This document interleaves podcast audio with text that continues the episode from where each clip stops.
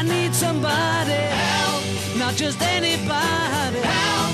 You know I need someone help. Morten Munkvik, du Ja. er ikke bare fastlege og kommuneoverlege for barn og ungdom. Du er òg medisinsk ansvarlig for Stavanger Oilers. Ja. Og nå har jeg et spørsmål om krampe, og da er det nærliggende å tenke at dette ser du en del av. Ja, man ser, man ser kramper eh, noen ganger, men det er nok ikke så vanlig i idrettsverden, iallfall ikke i den delen av idrettsverden som man kanskje skulle tro. Man ser kramper mange ganger med sånn Fotball er det iallfall ja, veldig vanlig. Fotball er det veldig mye kramper, men ishockey er mer en sånn høyintensitets eh, idrett som, hvor man er utpå eh, på isen i kanskje halvannet minutt, og så er det av igjen, og så er det pause. Men selvfølgelig har man kramper der òg, men man springer liksom ikke i 90 minutter sånn som en fotballspiller gjør. Så da handler årsaken om hvor lenge en holder på med en ting. Kan være. Eh, det er nok mange grunner og årsaker til krampe, men det vanligste er nok at det skjer etter at man har løpt eh, lenger enn man pleier, eller hardere enn en pleier. Og hva skjer da når du får krampe?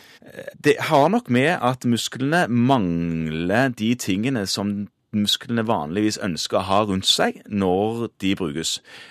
Kanskje f.eks. Eh, kalsium. Når du bruker musklene, så strømmer kalsium inn og ut av eh, forskjellige sånne kalsiumbeholdere i cellen. Og den sirkuleringen av kalsium inn og ut av disse blærene inni cellene, inni muskelcellene, den kan bli litt slack, kanskje, når man har holdt på lenge. Kanskje det er det Hvor er det vondest å få krampe?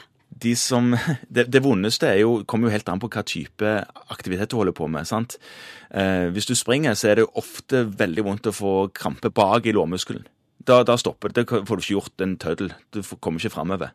Noen syns jo det er veldig vondt å få krampe i stortåna når du skal legge deg og sove, og så krampes han til, og så sovner og så, Da er det jo veldig Kanskje ikke enormt smertefullt, men du må jo opp og trampe litt rundt for å få det der her til å gå over. Alle muskler kan, kan du få krampe i, og behandlingen er jo å strekke andre veien. Er det noen type mennesker som får fortere krampe enn andre? Det kommer an på.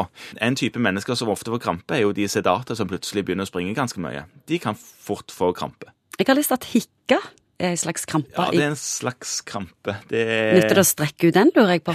Ja. Hvordan Men- strekker du uh, mellomgavle? Mellomkobbelet? Ja. Det, det Hvordan strekker du det best mulig? Du bruker en kjevle. Skjelve. Nei, vet du hva.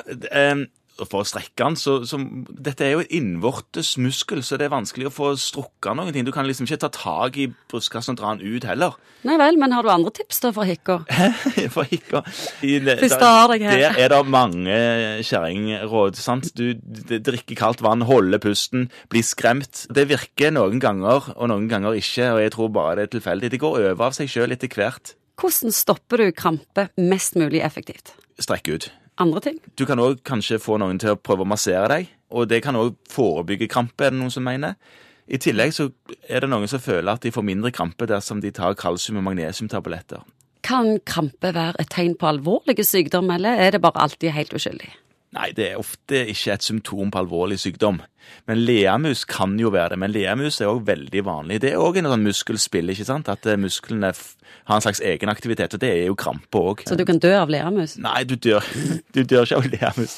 Og leamus er i de aller aller fleste tilfellene fullstendig ufarlig, selv om du står på lenge. Sant? Men en sjelden gang så kan det være andre ting. Har vi snakket for mye om krampe nå? Jeg syns jeg får krampe i tunga.